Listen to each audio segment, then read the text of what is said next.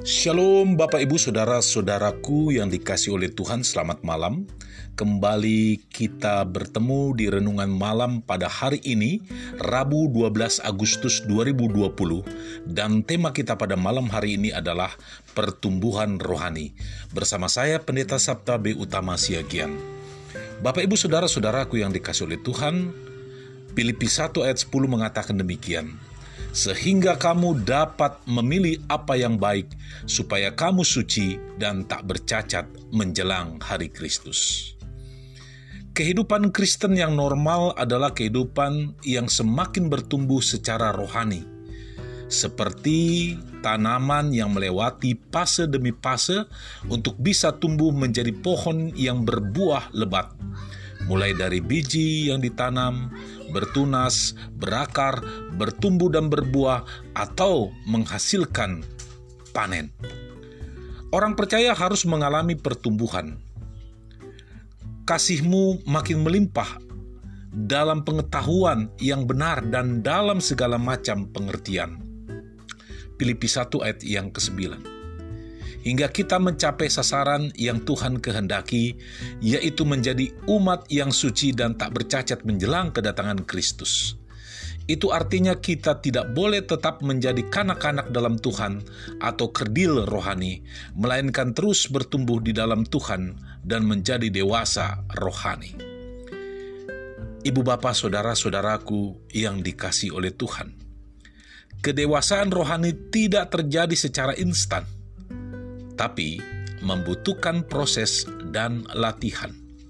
Bukan dalam sehari, seminggu, sebulan, atau setahun, tapi di sepanjang hidup kita. Hal-hal apa saja yang perlu dilatih? Yang perlu kita latih adalah bagaimana merenungkan firman Tuhan, bagaimana kita membaca firman Tuhan. Firman Tuhan adalah makanan bagi jiwa dan roh kita Alkitab menyatakan manusia hidup bukan dari roti saja, tapi dari setiap firman Tuhan. Sebagaimana tubuh jasmani kita membutuhkan makanan yang bergizi untuk tumbuh, demikian pula tubuh rohani kita juga harus diberi makanan rohani, yaitu firman Tuhan setiap hari. Janganlah engkau lupa memperkatakan kitab Taurat ini, tapi renungkanlah itu siang dan malam, supaya engkau bertindak hati-hati sesuai dengan segala yang tertulis di dalamnya, sebab dengan demikian perjalananmu akan berhasil dan engkau akan beruntung. Yosua 1 ayat yang ke-8 Ibu bapak saudara-saudaraku yang dikasih oleh Tuhan, selain membawa pertumbuhan rohani, membaca dan merenungkan firman menjadi kunci untuk mengalami berkat dari Tuhan. Selanjutnya, bagaimana supaya kita semakin dewasa secara rohani, yaitu bertekun dalam doa. Alkitab menasehati supaya orang percaya dengan tidak jemu-jemu berdoa. Lukas 18 ayat yang pertama. Kristus sendiri memberikan teladan bagaimana ia memulai hari dengan berdoa. Berdoa berbicara tentang persekutuan dengan Tuhan yang harus dijaga baik-baik secara terus-menerus sehingga tidak terputus.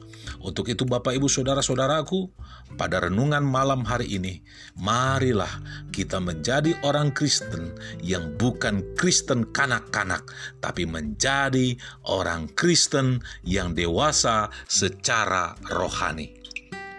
Kiranya renungan malam pada hari ini meneguhkan kita dan menguatkan kita. Selamat malam, selamat istirahat. Shalom.